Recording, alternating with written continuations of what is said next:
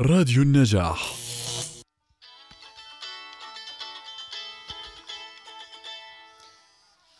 ألو. Hi مايا شلونك حبي؟ Hi انت كيفك؟ جايبت لك خبر تازة هلا وصلني. هاتي لشوف. سمعت لك إنه في حمام تركي فتح جديد وعلى هوا ما وصلني إنه مجاني. شو رأيك نروح بكرة؟ إيه OK.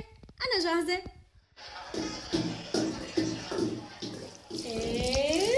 يا سلام على هالحمام.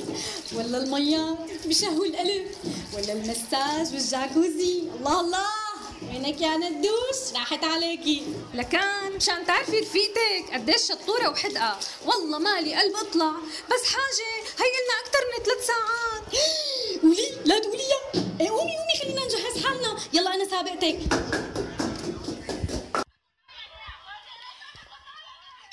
ما بتعرفي وين هون؟ أنا شو بدي أسوي هلأ؟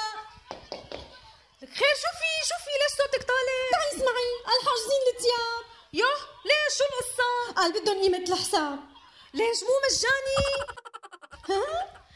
قال مجاني قال. اسمعوا عن هالسمع حبيبتي فوت الحمام مو مثل طلوعه.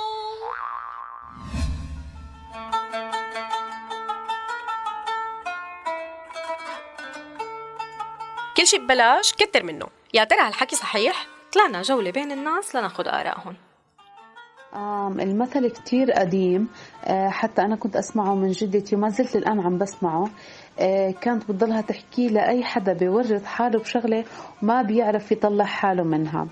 هلا اللي بعرفه عن هذا المثل أو الشيء اللي بيتبادر لذهني أول ما أسمع فيه إنه بينحكى للشخص اللي بتفاجأ بنتيجة إشي وما بيكون حاسب له أي حساب.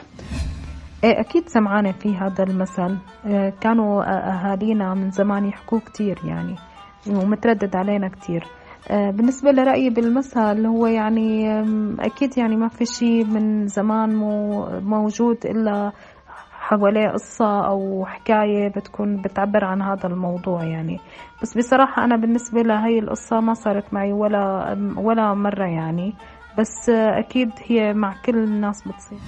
سمعت في هذا المثل كتير. وكمثل كتجربة شخصية آه، لا ما بآمن فيه.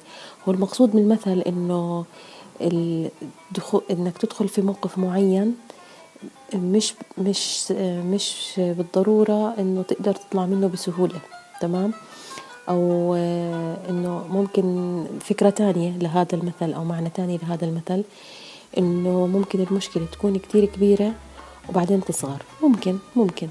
هلا أنا ما بآمن فيه كتير هذا المثل لأنه هذا الإشي بيرجع للإنسان نفسه لإرادته إذا كانت عنده القدرة على التكيف في الموقف المعين اللي ممكن يتعرض له وكيف إنه ممكن يطلع منه.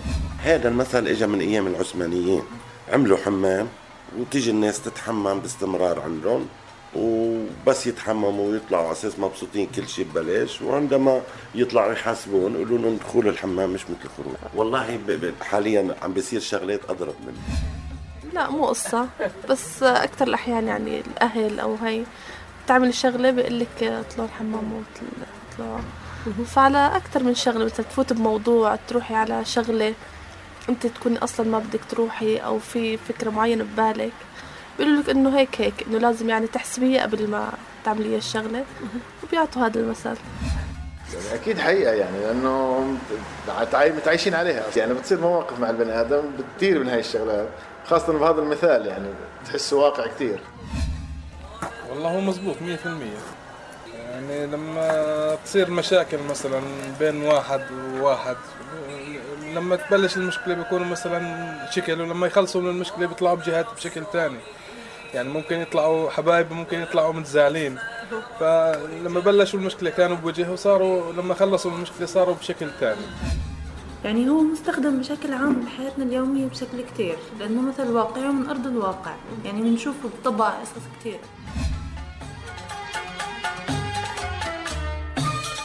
وهيك كانت آراء الناس بمثل اليوم. استنونا بمثل جديد من برنامجكم أمثال ستي وستك على راديو النجاح.